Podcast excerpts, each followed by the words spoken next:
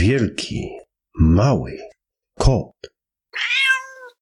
Witajcie w trzecim już odcinku naszego podcastu. Dzisiaj będzie troszkę historycznie, ale i ciekawie. Przeniesiemy się bowiem do roku 1934. A co się wtedy działo, zaraz się dowiecie.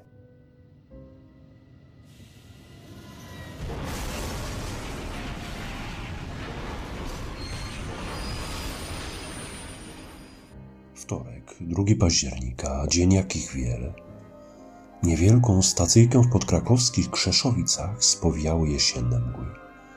Jak zwykle około godziny ósmej rano miały tędy przejechać, nie zatrzymując się, dwa pociągi ekspresy. Jeden z Gdyni, a drugi kilka minut później z Wiednia. Tak było od dawna. Pociągi mijały się i każdy pędził w swoją stronę unosząc w dal pasażerów zajętych swymi sprawami. Tego dnia było jednak inaczej.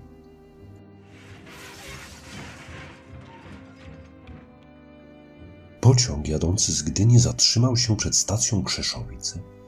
Odzwyczajnie. Nieraz wszak semafor nakazywał postu.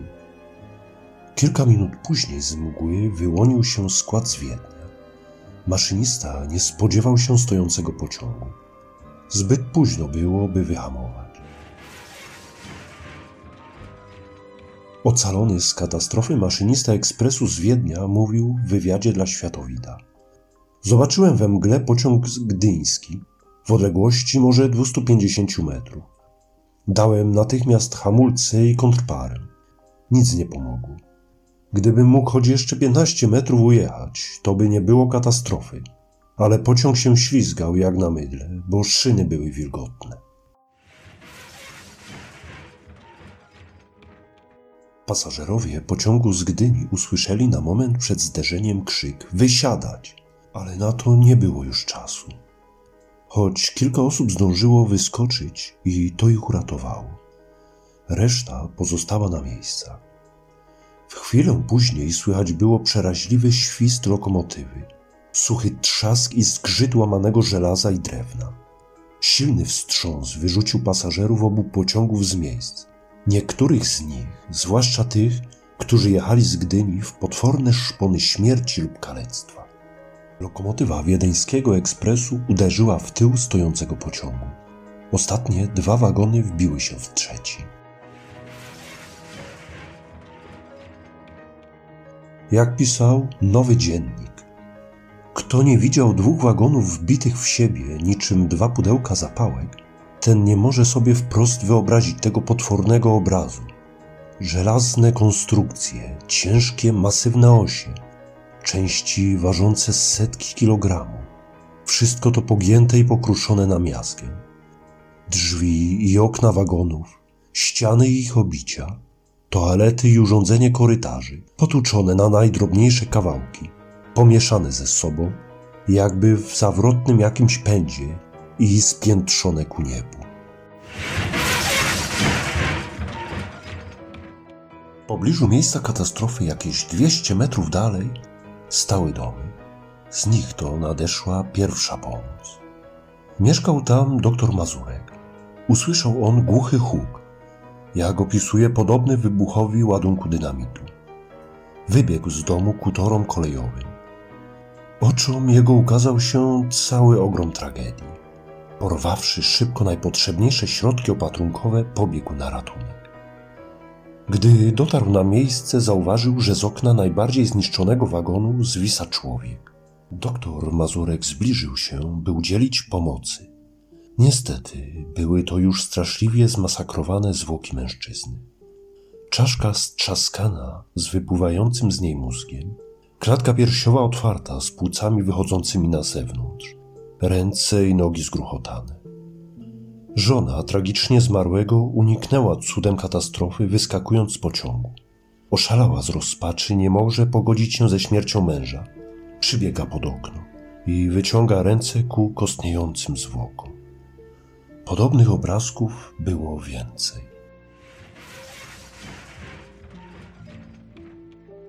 Wkrótce potem przybyła pierwsza pomoc ze stacji Krzeszowice oraz niezwykle ofiarna pomoc ze strony okolicznych mieszkańców. Robotnicy z pobliskiego tartaku rzucili się z siekierami, aby wyrąbać przejścia do wnętrza rozbitych wagonów i umożliwić lekarzom niesienie pomocy. Z biegiem czasu do doktora Mazurka dołączyli dr Walkowski i Franków z Krzeszowic oraz lekarze z Chrzanowa i Krakowa. Kilka minut po godzinie dziesiątej przybył na miejsce pociąg ratunkowy z Krakowa. Jak pisze Nowy Dziennik. Z wagonu wychodzi sanitariusz w skrwawionym płaszczu. Na rękach niesie dwoje niemowląt. Te maleństwa ocalały cudem w tym kłębowisku żelaza i walących się ścian. Rozespane oczka spoglądają jakby ze zdziwieniem na obecny. Ktoś zajął się nimi do czasu, gdy odnajdą się ich rodzice. Za chwilę znowu dziecko, liczące zaledwie kilka miesięcy. Niesie go na rękach jakiś kolejarz. Lekarz ogląda dziecko, bada przez chwilę, po czym pada straszliwa diagnoza złamanie podstawy czaszki. Przenoszą je do pociągu ratunkowego.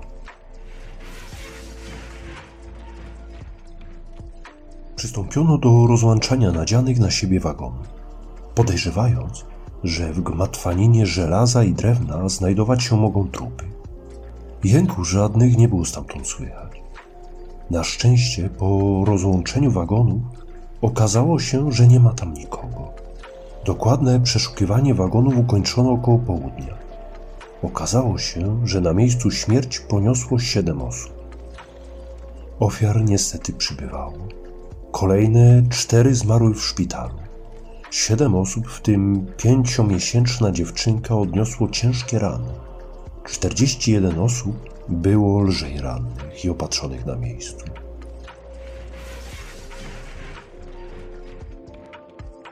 W szpitalach krakowskich działy się przejmujące sceny. Widzimy tam na przykład rodziców z maleńkim dzieckiem, ciężko rannym w głowę. Rodzice jechali z nim do Krakowa. Kiedy pociąg stanął pod Krzeszowicami, matka siedziała z dzieckiem na ręku. Nagle nastąpił straszny wszcząs. Drzwi wagonu runęły wprost na dziecko, roztrzaskując mu głowę i upadły na bok, nie czyniąc już nikomu więcej szkody. Nieszczęśliwa matka sama odwiozła dziecko do szpitala, gdzie przez cały dzień i noc siedziała z nim na ręku, pragnąc łzami przywrócić je do przytomności. Ale to nie pomagało. Stan jego jest beznadziejny. Dotychczas nie odzyskało przytomności. Opisywał następnego dnia goniec częstochowski. Śledczy rozpoczynają swe działania jeszcze przed południem. Mgła nie mogła stanowić przyczyny katastrofy. Pierwszym podejrzanym był maszynista ekspresu z Wiednia, Jan Zieleźniak. Został on jednak wkrótce wypuszczony. Pojawiają się pytania. Dlaczego pociąg z Gdyni został zatrzymany przed stacją Krzeszowice, choć nigdy tutaj nie stoi? Następnie dlaczego pociąg z Wiednia zatrzymał się na posterunku kolejowym Wola Filipowska tylko przez jedną minutę, a następnie ruszył, co pociągnęło za sobą tak fatalne skutki? Gdyby pociąg ten zatrzymał się dłużej, do katastrofy by nie doszło. Ostatecznie zatrzymano dwie osoby. Antoniego Drabika, dróżnika z Woli Filipowskiej oraz Gabriela Niecia, dyżurnego ruchu w Krzeszowicach. Ich proces ruszył 15 stycznia 1935 roku. Prócz wspomnianej dwójki na ławie oskarżonych zasiedli także zwrotniczy Bartłomiej Ziembiński z Krzeszowic oraz konduktor Antoni Kaczmarek z Poznania. Wyrok zapadł 29 maja tego samego roku. Ziembiński i Kaczmarek zostali uniewinnieni. Drabika uznano winnym wpuszczenia bez upoważnienia pociągu z Wiednia na tor, na którym znajdował się pociąg z Gdyni.